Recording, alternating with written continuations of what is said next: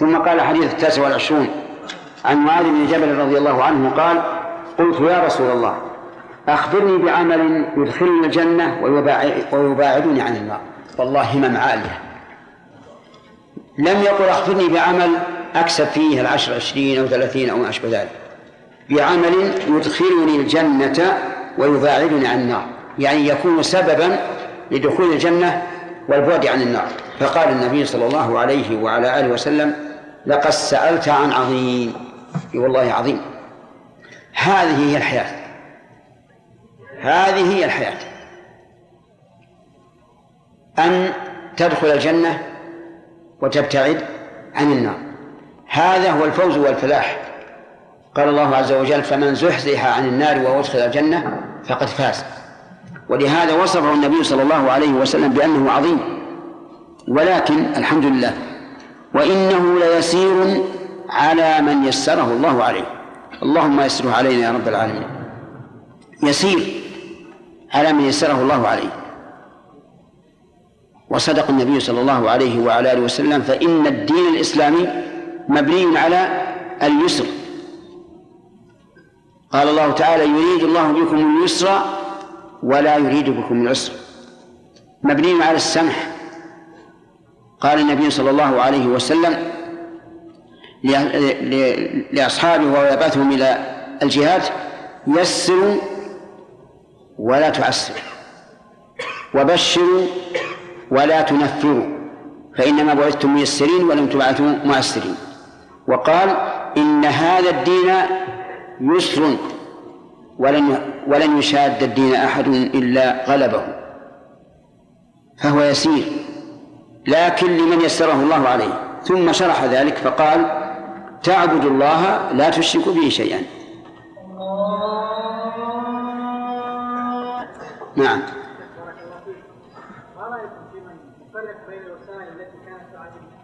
ارفع صوتك.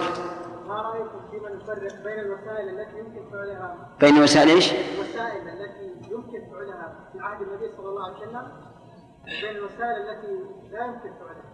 نعم. ولم يوجد سببها نعم. كل شيء وجد سببه في عهد النبي صلى الله عليه وعلى آله وسلم ولم يفعله مع عدم المانع فإن تركه سنة. وقولنا مع عدم المانع لئلا يرد قضية بناء الكعبة. فإن النبي صلى الله عليه وسلم أراد أن يهدم الكعبة ويبنيها على قواعد إبراهيم لكن ذكر مانعا وهو أن قريشا كانوا حديث عهد بكفر. هذه هي القاعدة. نعم؟ ويمثل النساء في المسجد. إيش؟ الحاجز الذي بين النساء والرجال في المساجد. نعم نعم. هذا لم يوجد سبب في عهد الرسول. في عهد النبي صلى الله عليه وعلى آله وسلم النساء يأتين إلى المساجد متلفعات بمروطهن محتشمات. وليس هناك أنوار تكشفهن. ويخرجن قبل الرجال والرجال ينتظرون حتى تخرج النساء. هذا غير موجود الآن. الآن فيه من يترقب أن يدخل المسجد ليرى النساء. فهذه الحواجز لا شك أنها من الوسائل لدرء, لدرء الفتنة. نعم. يا شيخ هل يكفي ارفع يدك؟ لا ما أنت بارك الله فيكم ما رأيكم من يقول فقوله اللهم يسر ولا تعسر صحيح. صحيح. إي نعم. يسر لي ما هو عموما. المراد يسر لي. قال موسى عليه الصلاة والسلام عليه الصلاة والسلام رب اشرح لي صدري ويسر لي أمري. شيخ فرق المبتدعه الموجوده الآن. هل يكفي كانت بدعتهم؟ هل هل يكفي لإقامة الحجه عليهم البيان لهم فقط بدون دعوتهم؟ هل أنت ستبين بدون دعوة؟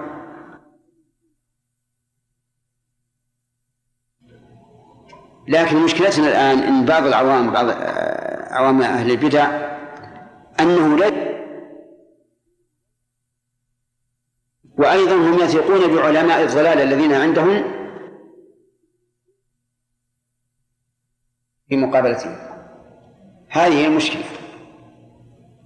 أنتم ما جئتم لتقوموا الناس وتقول فلان فيه كذا وفلان فيه كذا.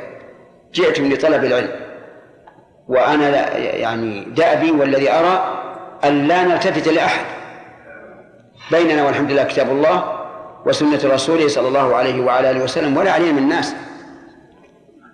نقول الحق ونبطل الباطل ولا علينا من الناس. نعم.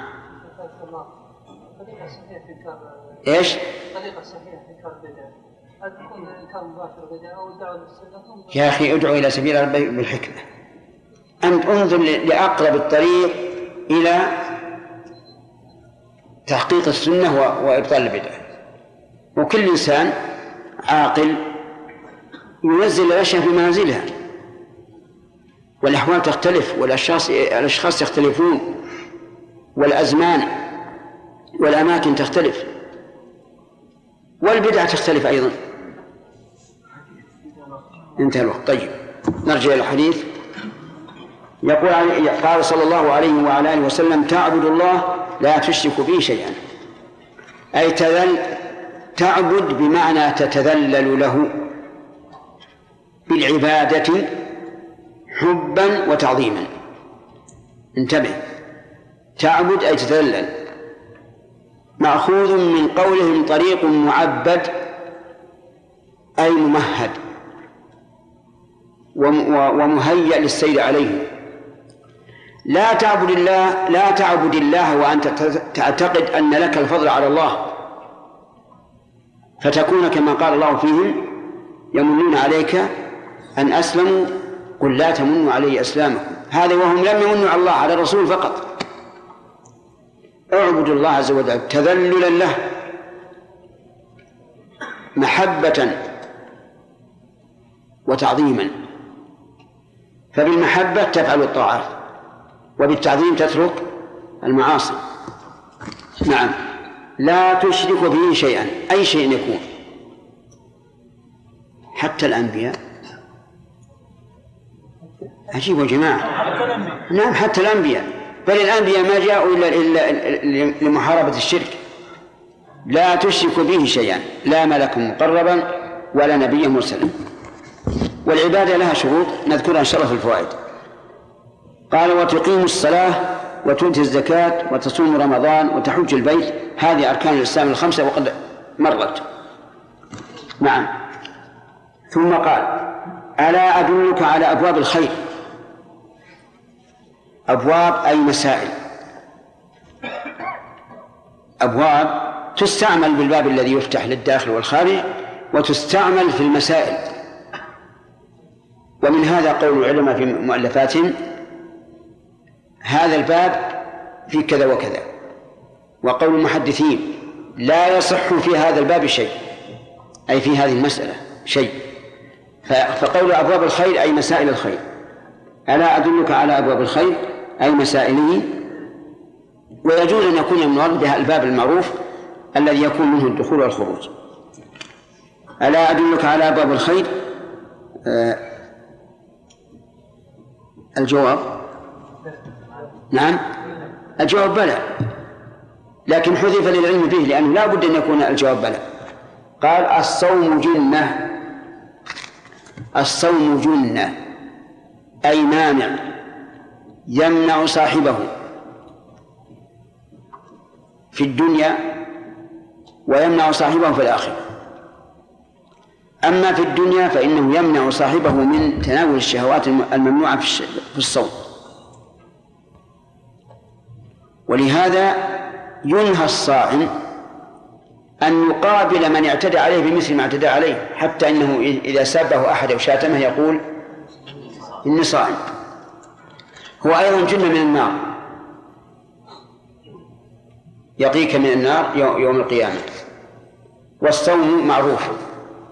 التعبد الله تعالى بالإمساك عن المفطرات من طلوع الفجر إلى غروب الشمس. والصدقة تطفئ الخطيئة كما يطفئ الماء النار. الصدقة مطلقا سواء الزكاة الواجبة أو التطوع. وسواء كانت قليلة أو كثيرة. تطفئ الخطيئة أي خطيئة بني آدم وهي المعاصي كما يطفئ الماء النار. والماء يطفئ النار. بدون تردد. فشبه النبي صلى الله عليه وسلم الأمر المعنوي بالأمر الحسي. وصلاة الرجل في جوف الليل. هذه معطوفة على قوله الصدقة. يعني وصلاة الرجل في جوف الليل تطفئ الخطيئة. وجوف الليل وسطه كجوف الإنسان تطفئ الخطيئة. ثم تلا صلى الله عليه وعلى آله وسلم تتجافى جنوبهم عن المضاجع حتى بلغ يعملون. تلا أي قرأ تتجافى جنوبهم عن المضاجع. هذا في وصف من؟ وصف المؤمنين. تتجافى عن المضاجع أي أنهم لا ينامون. يدعون ربهم خوفا وطمعا. كيف خوفا وطمعا؟ نعم. إن ذكروا ذنوبهم خافوا. وإن ذكروا فضل الله طمعوا فهم بين الخوف والرجاء. ومما رزقناهم ينفقون من هنا إما أن تكون للتبعيض والمعنى ينفقون بعض أو للبيان والمعنى ينفقون مما رزقهم الله قليلا كان أو كثيرا. فلا تعلم نفس ما أخفي لهم من قرة أعين جزاء بما كانوا يعملون. استشهد النبي صلى الله عليه وسلم بهذه الآية على فضيلة قيام الليل. تتجافى جنوبهم عن المضاجع. حتى بلغ يعملون. ثم قال ألا أخبرك برأس الأمر وعموده وذروة سنامه ثلاث أشياء. ألا أخبرك برأس الأمر وعموده وذروة سنامه قلت بلى يا رسول الله. قال رأس الأمر الإسلام. أمر الإنسان الذي من أجله خلق رأسه الإسلام. أن يسلم لله تعالى ظاهرا وباطنا بقلبه وجوارحه. رأس الأمر الإسلام وعموده الصلاة. والمراد الصلوات الخمس. عمود الإسلام الصلوات. وعمود الخيمة ما تقوم عليه. وإذا أزيل سقطت. وذروة سنامه الجهاد في سبيل الله. ذكر الجهاد أنه ذروة السنام لأن الذروة أعلى الشيء. وبالجهاد يعلو الإسلام. فجعله ذروة سنام الأمر. قال الله تعالى ولا تهنوا ولا تحزنوا وأنتم الأعلون الأعلون إن كنتم مؤمنين. وقال عز وجل فلا تهنوا وتدعوا إلى السلم وأنتم الأعلون والله معكم. وقول الجهاد يعني في سبيل الله عز وجل. ومتى يكون الجهاد في سبيل الله؟ بينه الرسول صلى الله عليه وسلم أتم بيان. فقد سئل عن الرجل يقاتل حمية ويقاتل شجاعة ويقاتل يرى مكانه أي ذلك في سبيل الله؟ قال من قاتل لتكون كلمة الله العليا فهو في سبيل الله. انتبه. هو لم يجب عن الثلاثة هذه الذي سئل عنها بل ذكر عبارة عامة. من قاتل لتكون كلمة الله العليا فهو في سبيل الله. نعم. وذروة سلامه الجهاد نعم.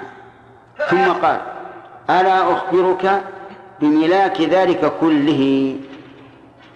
ملاك الشيء ما يملك به ما يملك به.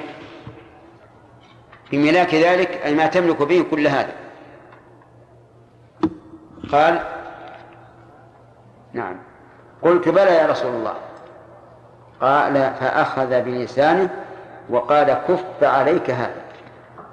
أخذ النبي صلى الله عليه وسلم بلسانه أي بلسان نفسه وقال كف عليك هذا. يعني لا تطلقه في القيل والقال.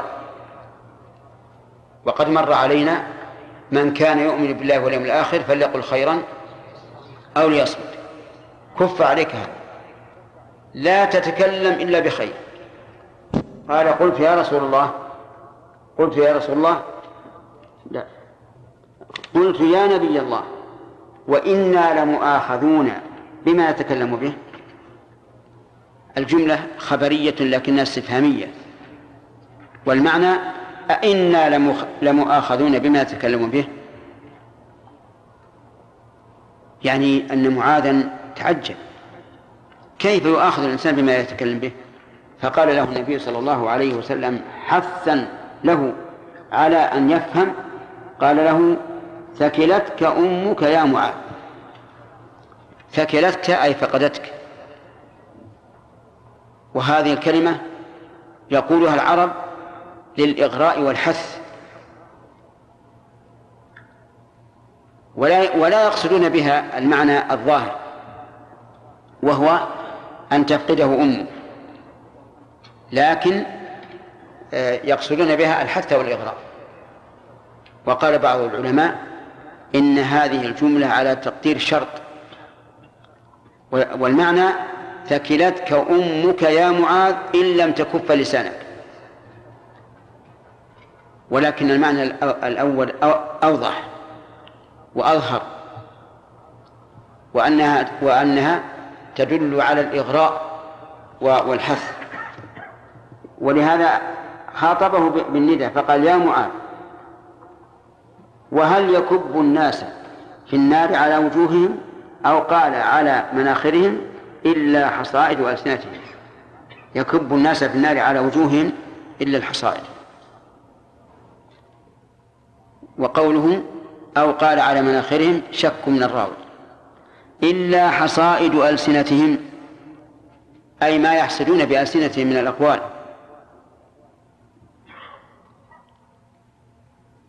فاقتنع معاذ. لما قال هذا الكلام عرف أن ملاك الأمر كله هو كف اللسان. كف اللسان لأن اللسان لأن اللسان قد يقول الشرك وقد يقول الكفر وقد يقول الفحشاء. يعني ليس له حد. في هذا الحديث فوائد.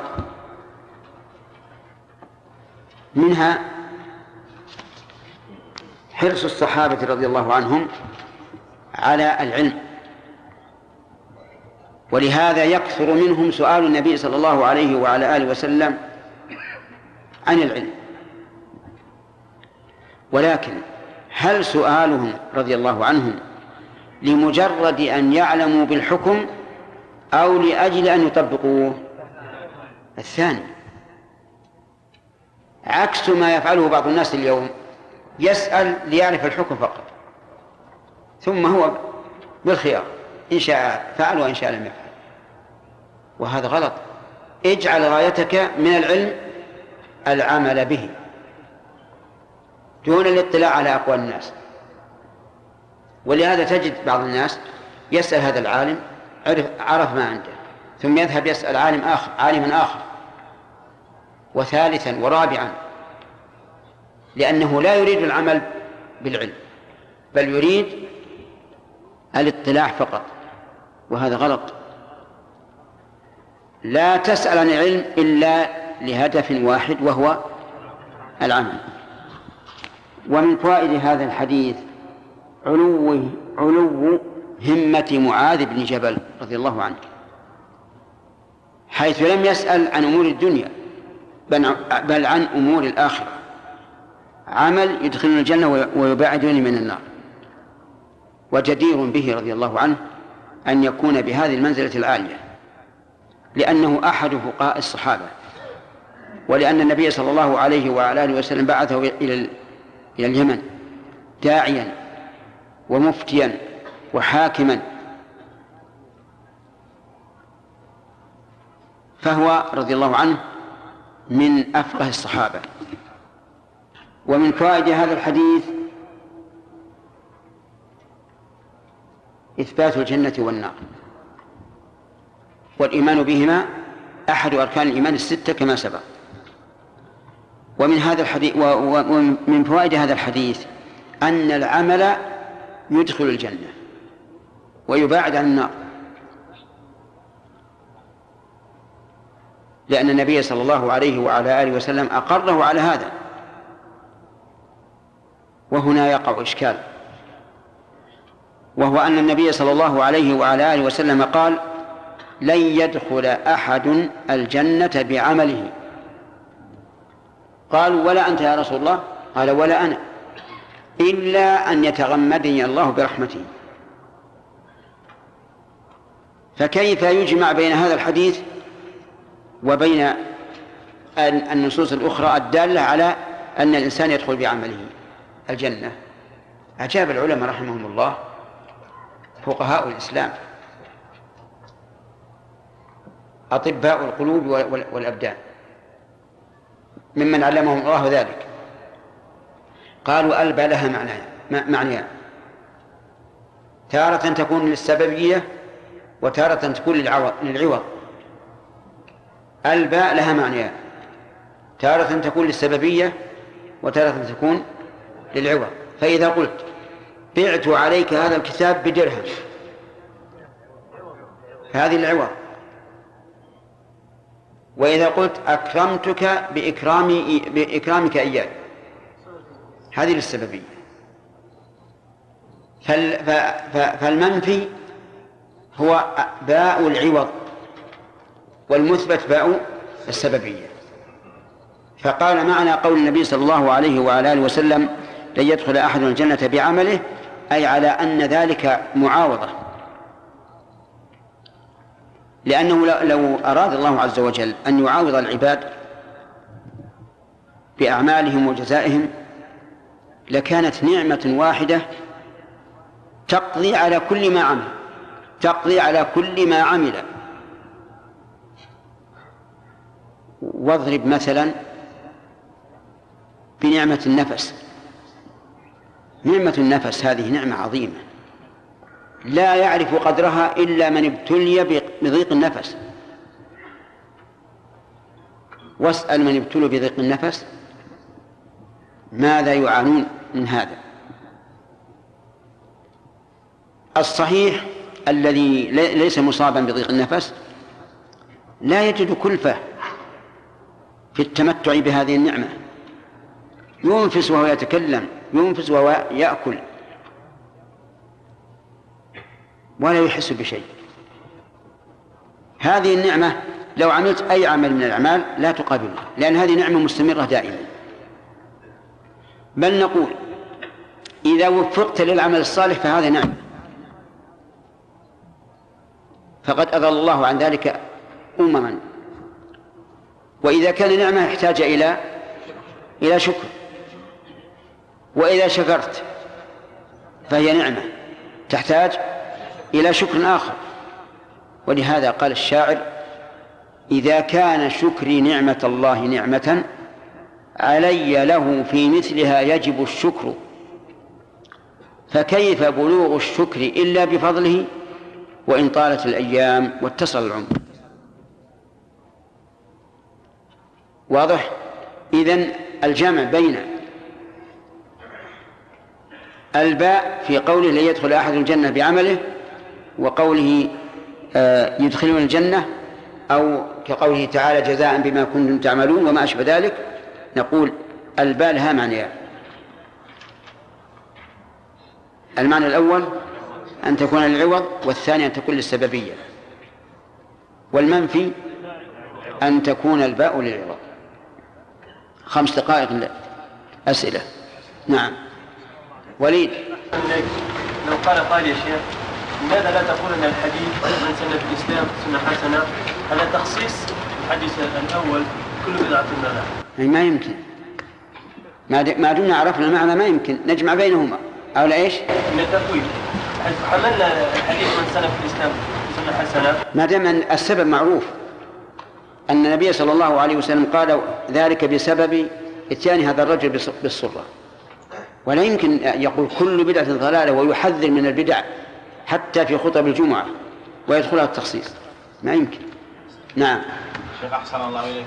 إذا كان الوسائل مبتدعة والغايات ثابتة في أصل الشرع هل نعم. يبرر الوسائل المبتدعة الغاية ثابتة؟ نعم. ما لم تكن الوسيلة حراما. إن كانت حراما بذاتها فهي حرام.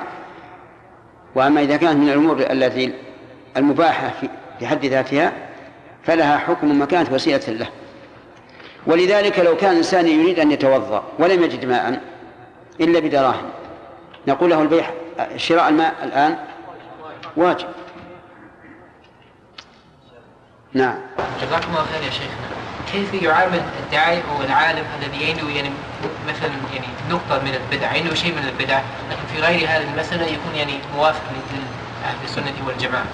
كيف يعامل معه؟ يعني مع الناس؟ كيف إيش؟ كيف يتعامل الإنسان معه؟ نعم.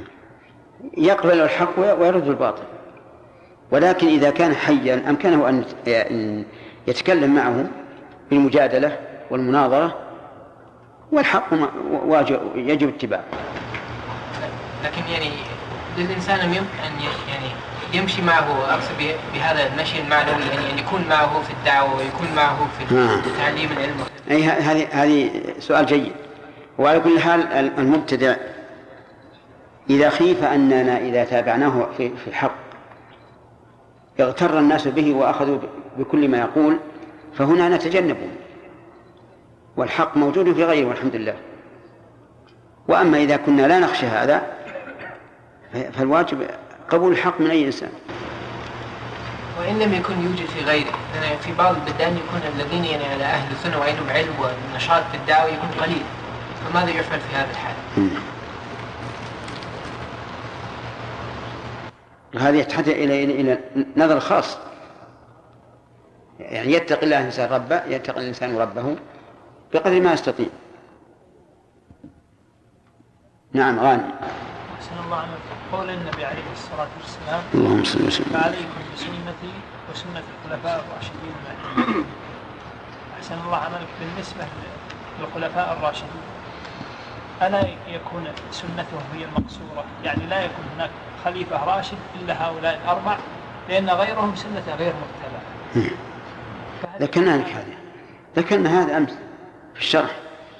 إن هل المراد الخلفاء الراشدون بأعيانهم؟ أو بأوصافهم لكن ذكرنا ترجيح كثير من السلف. نعم.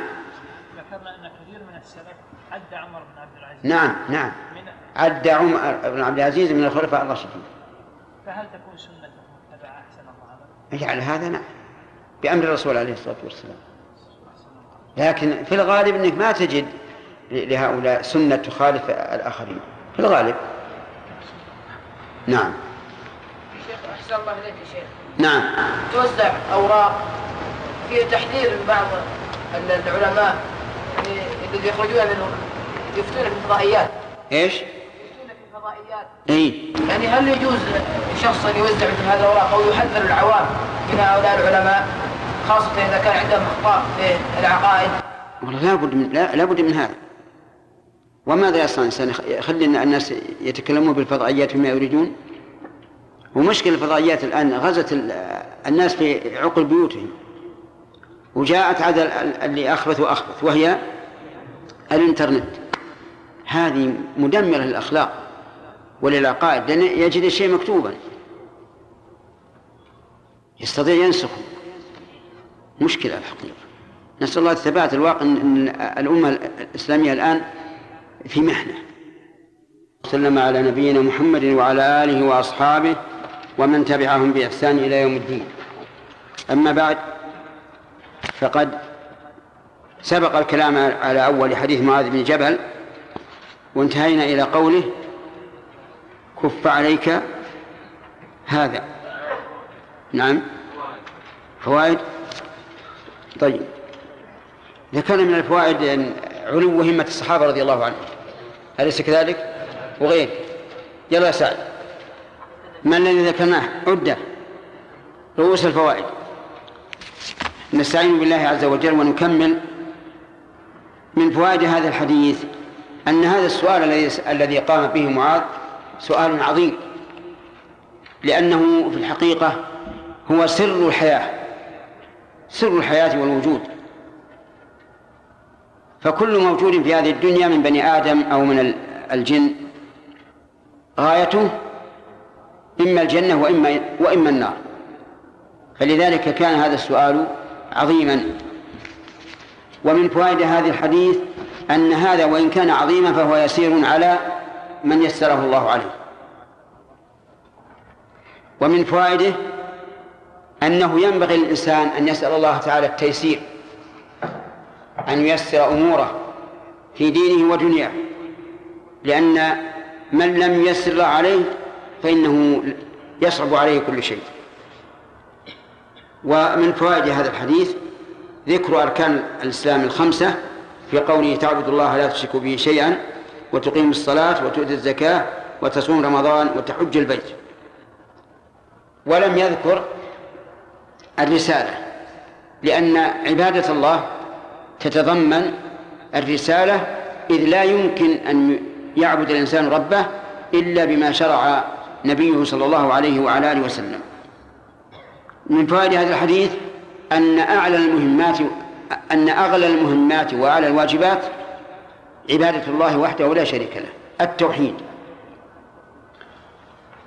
ومنها من فوائد هذا الحديث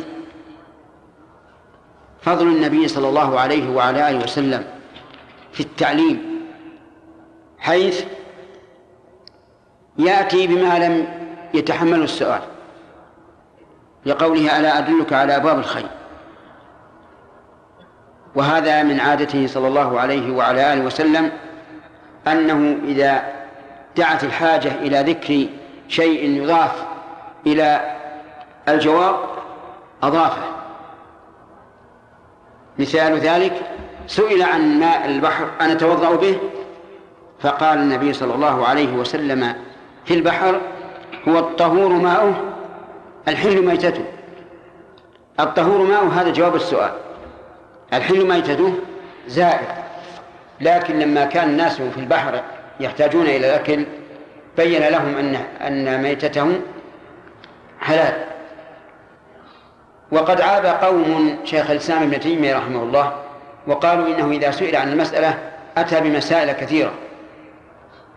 فأجاب عن ذلك بعض تلاميذه وقال إن هذا من من جوده وكرمه في بذل العلم واستشهد بقول النبي صلى الله عليه وعلى آله وسلم في البحر هو الحل ميتته هو الطهور ماؤه الحل ميتته وهو لم يسأل إلا عن الوضوء بماء البحر.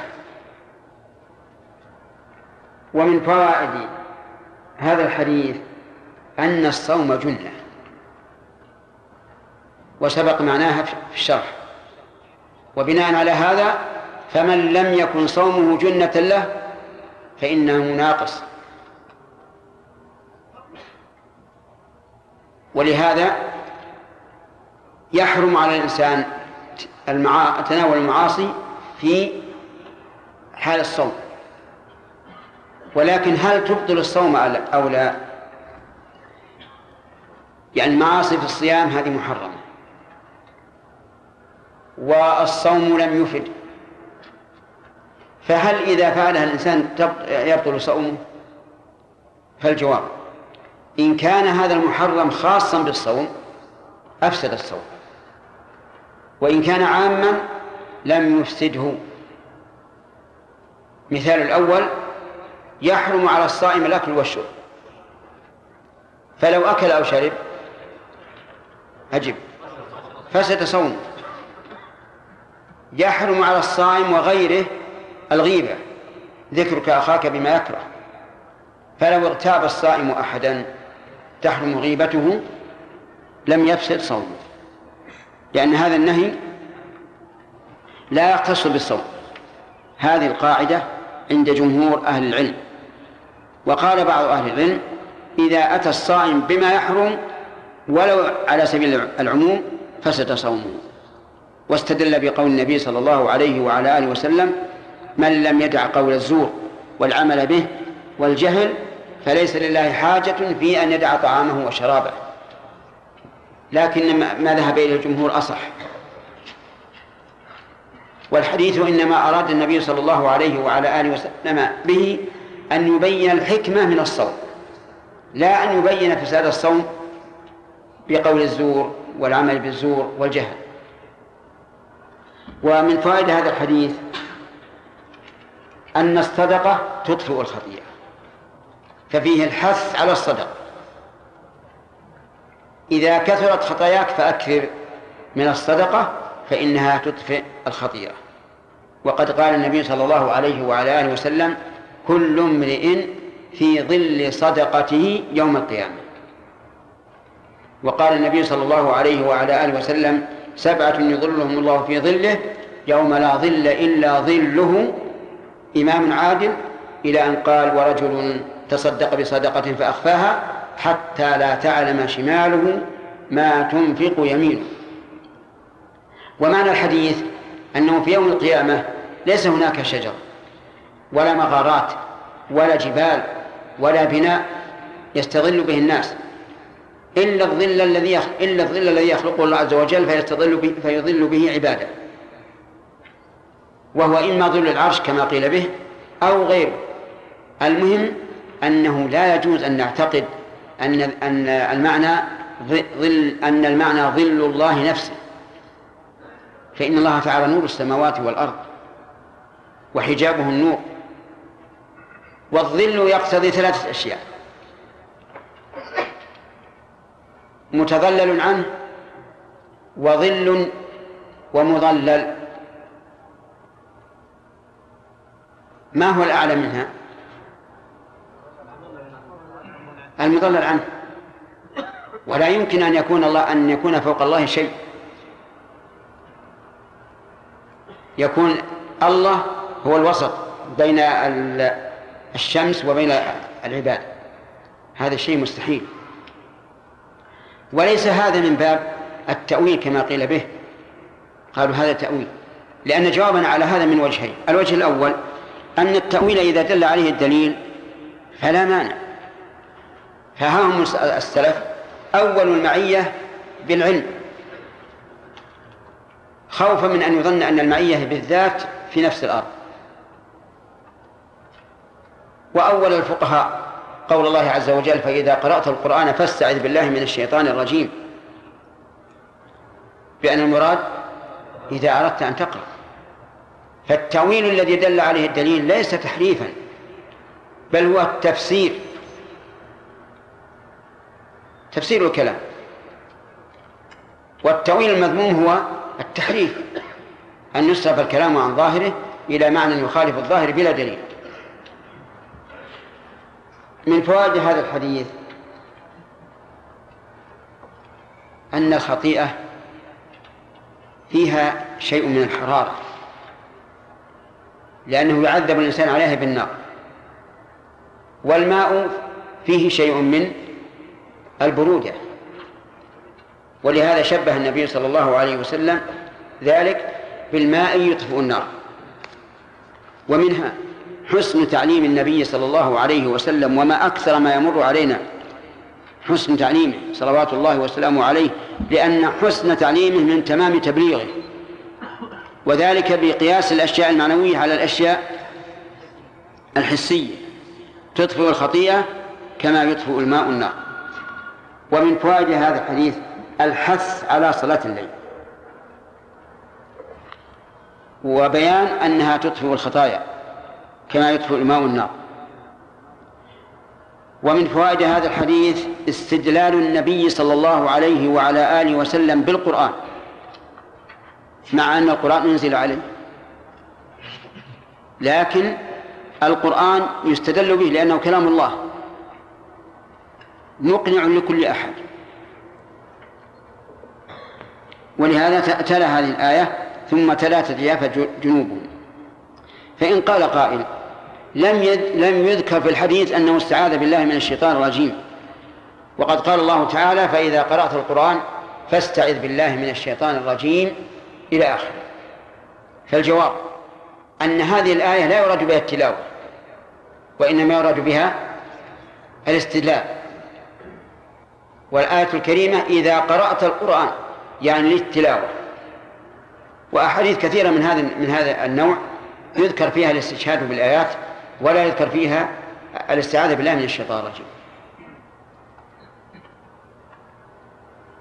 كثير من الإخوة إذا أراد يقرأ قال قال الله عز وجل أعوذ بالله من الشيطان الرجيم إنا أنزلناه في ليلة القدر.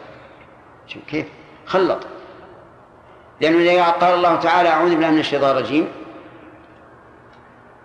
أدخل أعوذ بالله من الشيطان الرجيم في مقول القول وهذا غلط. وإذا كان ولا بد أن تقول أعوذ بالله من الشيطان الرجيم فقلها قبل.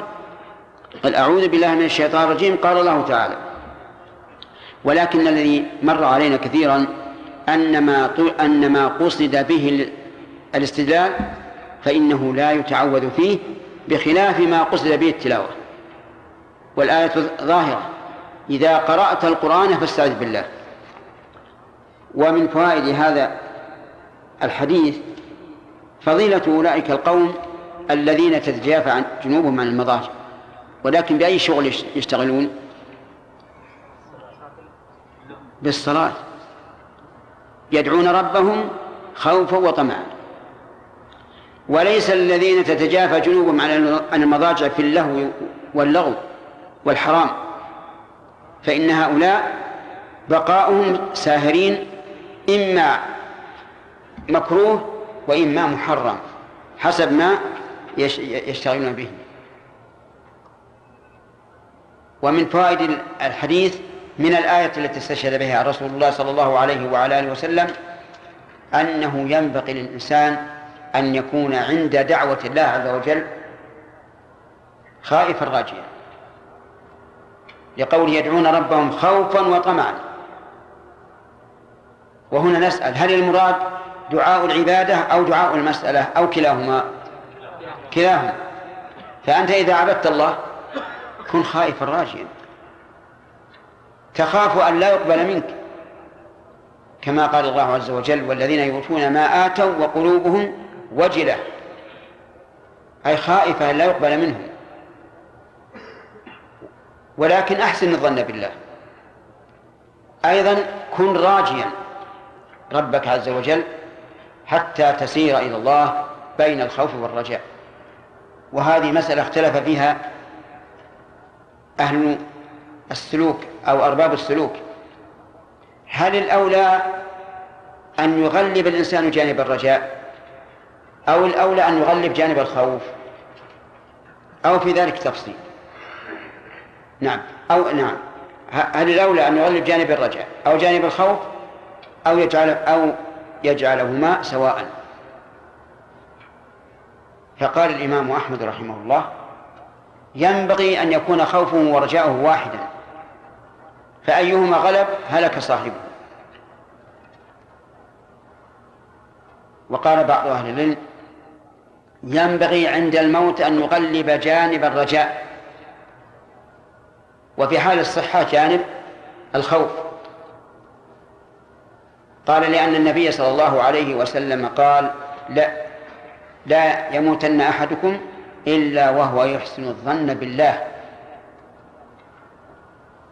أما في حال الصحة فيغلب جانب الخوف لأجل أن يحمله خوفه على الاستقامة. وقال بعض أهل العلم في حال فعل الطاعة. يغلب جانب الرجاء. وفي حال الهم بالمعصية يغلب جانب الخوف. وهذا حسن. وجه الأول أنه إذا في حال الطاعة يغلب جانب الرجاء هو أنه يقول إن الذي من علي بهذه الطاعة سيمن علي بقبوله فيجعل منة الله عليه بها دليلا على ملة على منة الله عليه بقبولها. ويغلب جانب الرجاء. ويقول قمت بما أمرت به وأرجو من الله الثواب. أما إذا هم بالمعصية فيغلب جانب الخوف لئلا يقع في المعصية. وهذا القول من حيث المعنى أحسن الأقوال. لكن مع ذلك لا نحكم به على كل فرد. إذ قد يعرض الإنسان حالات يغلب فيها الرجاء وحالات يغلب فيها الخوف. لكن نحن نتكلم عن الخوف والرجاء من حيث هما لا باعتبار كل واحد. ومن فوائد الحديث في ضمن الآية فضيلة الإنفاق مما رزق الله العبد. من لقوله ومما رزقناهم ينفقون. وهل المراد الرزق الطيب أو مطلق الرزق أو مطلق الرزق. الآية مطلقة. ولكن من من اكتسب مالا محرما أو أنفق مالا محرما فلا فلا مدح لا مدح له. واحد سرق مال وراح يتصدق به ما يستقيم هذا إنسان تصدق بخنزير لا يستقيم. فعلى هذا نقول المراد بالرزق هنا إيش؟ الرزق الطيب. نعم. من فوائد هذا الحديث. نعم. من فوائد هذا الحديث أنه نعم أن رأس الأمر الإسلام. الأمر يعني أمر الدنيا والآخرة رأسه الإسلام. فما هو الإسلام؟ فالجواب هو ما بعث به النبي صلى الله عليه وعلى آله وسلم إذ بعد بعثته لا إسلام إلا ما, إلا ما كان على شريعته. انتبه. وعلى هذا فلو سألك سائل هل اليهود مسلمون؟ هل النصارى مسلمون؟ فالجواب لا. إن قلت لا أخطأت. وإن قلت نعم أخطأت. اليهود في حال قيام قيام شريعة التوراة إذا اتبعوها مسلمون. وكذلك النصارى في حال قيام الإنجيل إذا اتبعوه فهم مسلمون. ولهذا في القرآن الكريم ذكر الإسلام لهؤلاء وهؤلاء. وأما بعد بعثة النبي صلى الله عليه وعلى آله وسلم فإن كل من من كفر به ليس بمسلم. حتى لو قال إني أسلمت. ومن فوائد هذه هذا الحديث أن الصلاة عمود الدين. والعمود لا يستقيم البناء إلا به. وهو دليل يعني يتفرع على هذا أن من ترك الصلاة فهو كافر. من ترك الصلاة فهو كافر. لماذا؟ لأن العمود إذا سقط لم يستقم البناء. وهذا القول هو القول الراجح الذي دل عليه كتاب الله وسنة رسوله صلى الله عليه وعلى آله وسلم. وأقوال الصحابة رضي الله عنهم حتى حكي إجماعهم. حكي هذا القول إجماع الصحابة. وهو مقتضى النظر والقياس. إذ كيف يمكن لمؤمن بالله واليوم الآخر أن يحافظ على ترك الصلاة؟ سبحان الله. لا يمكن هذا أبدا. وش عنده إذا إذا لم يصلي؟ ليس عنده شيء. وقد كتبنا هذا في هذا رسالة موجزة والحمد لله لكنها تضمنت ذكر الأدلة على كفر تارك الصلاة والجواب عن قول من يقول إنه لا يكفر. وليس عند عند من يقول إنه لا يكفر ليس عندهم دليل. إلا نصوص عامة تخص بنصوص كفر تارك الصلاة. أو نصوص قيدت بما لا يمكن مع هذا القيد أن يترك الصلاة. أو نصوص قيدت بقيود لا لا يمكن أن يقوم بها الإنسان إلا إذا كان كافرا والعياذ بالله. المهم على كل حال الرسالة هذه ينبغي لكل إنسان أن يقرأها متجردا عن الهوى. وفي ظني أنها لو شاع هذا القول بين الناس لارتدع كثير من الناس عن ترك الصلاة. وأما إذا قيل ترك الصلاة فسق من الفسوق فكثير من الناس لا يبالي أن يكون فاسقا أو مستقيما. و ويرى بعض أهل العلم من السابقين واللاحقين أن ترك صلاة واحدة حتى يخرج وقتها بلا عذر كفر. ولكن الذي أرى أنه لا يكفر إلا إذا ترك الصلاة نهائيا. ومن فوائد هذا الحديث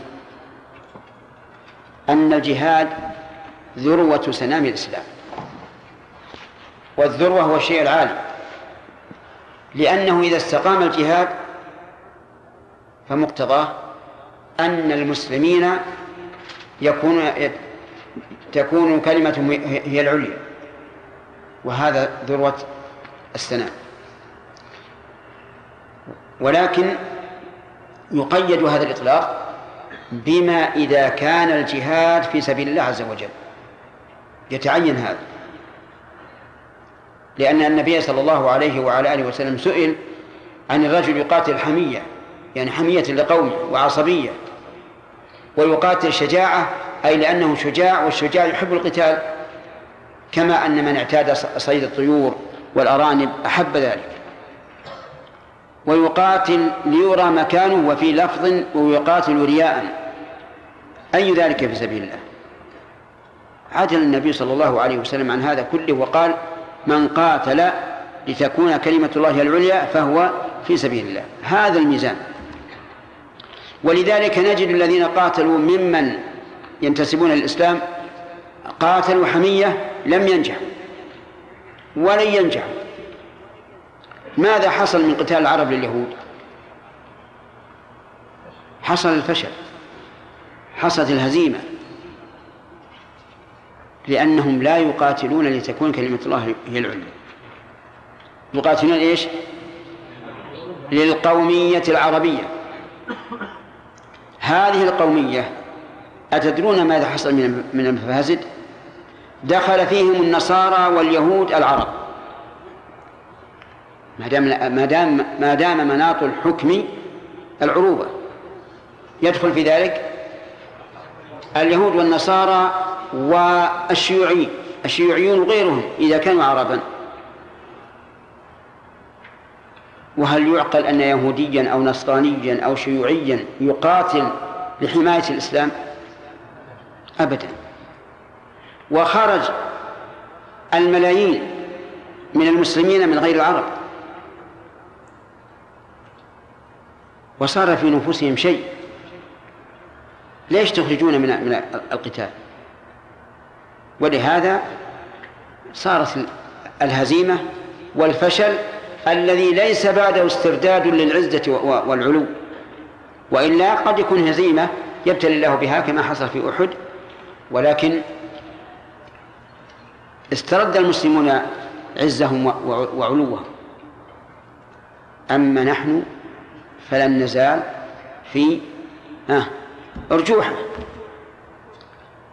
كان الناس على في عنفوان العروبة كما يقولون عندهم ثلاث لاءات يسمونها اللاءات الثلاث. لا صلح ولا سلام نسيت الثالثة. ها؟ ولا إيش؟ ولا استسلام.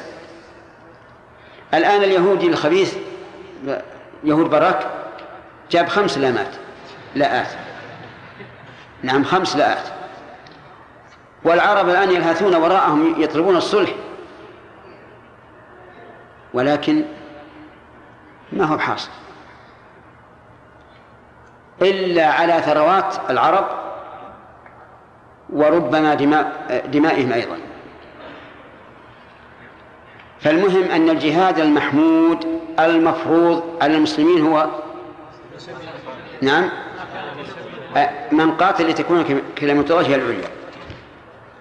نعم. ومن فوائد هذا الحديث أن ملاك هذا كله كف كف اللسان. لقول النبي صلى الله عليه وسلم ألا أخبرك ألا أخبرك بملاك, بملاك ذلك كله؟ ومن فوائده خطورة اللسان. خطورة اللسان من أخطر ما يكون. فإن الإنسان ربما يتكلم بالكلمة من غضب الله لا يلقي لها بالا يهوي بها في النار كذا وكذا سنوات وهو ما ألقى لها بالا. يتكلم بكلمة الكفر ما يلقي لها بالا فيكفر والعياذ بالله وارتد ثم خذ الغيبة الآن. الغيبة ملأت المجالس إلا من شاء الله وهي من آفات اللسان. الكذب من آفات اللسان.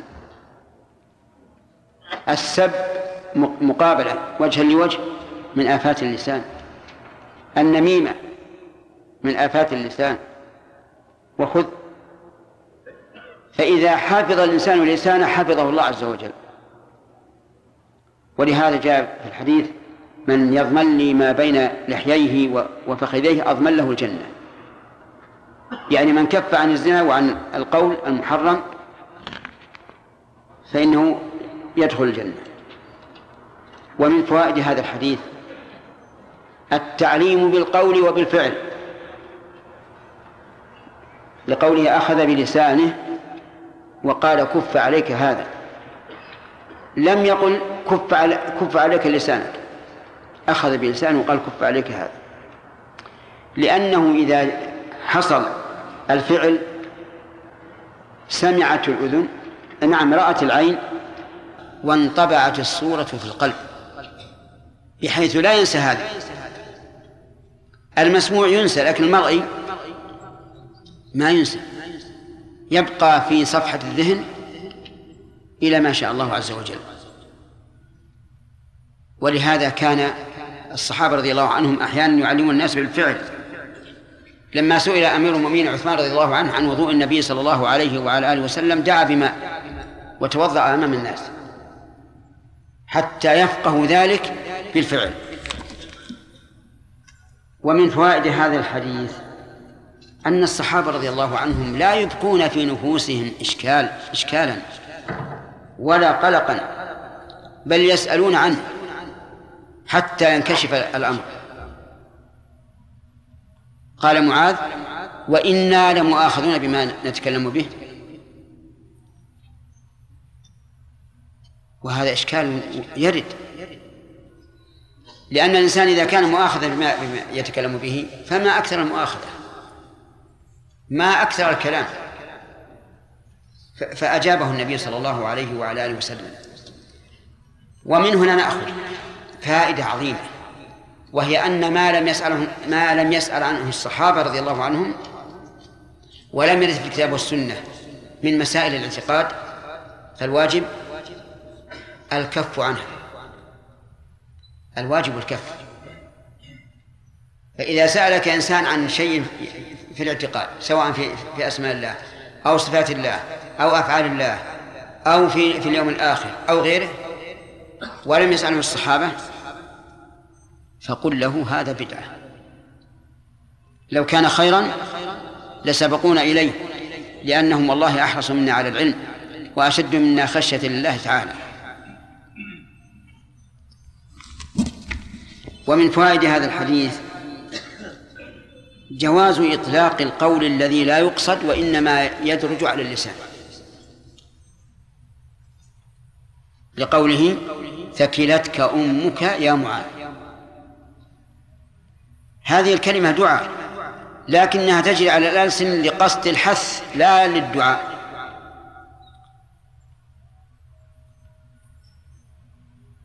وهي موافقة للقاعدة الشرعية وهي أن الله لا يؤاخذ باللغو. كما قال الله تعالى لا يؤاخذكم الله باللغو في أيمانكم ولكن يؤاخذكم بما عقدتم الأيمان. وفي الآية الأخرى بما كسب بما كسبت قل... ها؟ بما كسبت قلوب. وعلى هذا فما يجري على اللسان من الأيمان لا يؤاخذ به الإنسان. دائما يقول صاحبك مثلا تبي تروح لفلان؟ لا والله من برايح ثم تروح. هل عليك كفارة؟ لا. إن هذا جرى على الإنسان بلا قصد. دائما يقول الإنسان مثل ولده والله ما تفعل هالشهادة لكسر رجليك. ويفعلها الصبي هل نقول كسر رجليه؟ نعم. ما نقول. لأن نعلم أن رجل ما قصد هذا. ولو رأى أحدا يريد أن يكسر إصبع من إصابع ابنه لقاتله. المهم أن ما لا يعقد عليه القلب فإنه ليس بشيء. لا يؤاخذ به الإنسان من فوائد هذا الحديث أن أهل النار والعياذ بالله قد يكبون في النار على وجوههم. لقوله هل يكب الناس في النار على وجوههم. أو قال على مناخرهم هذا اختلاف لفظ ولا المعنى واحد لأن المنخر في الوجه. واسمع قول الله عز وجل أفمن يتقي بوجهه سوء العذاب؟ العادة أن الإنسان يتقي العذاب بيده لكن هم ما يستطيعون. أهل النار أجارنا الله وإياكم منها بمنه وكرمه. لا يستطيعون. تلفح وجوههم النار. يتقي بوجهه سوء العذاب. وهذا دليل على كمال الإهانة لأن الوجه محل الإكرام. فإذا أهين إلى هذا الحد فهذا غاية ما يكون من الذل. قال الله تعالى وتراهم يعرضون عليها خاشعين من الذل ينظرون من طرف خفي.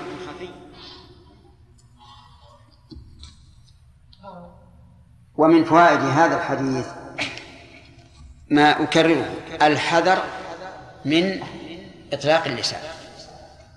وقد مر علينا في الأحاديث السابقة من كان يؤمن بالله واليوم الآخر إيش؟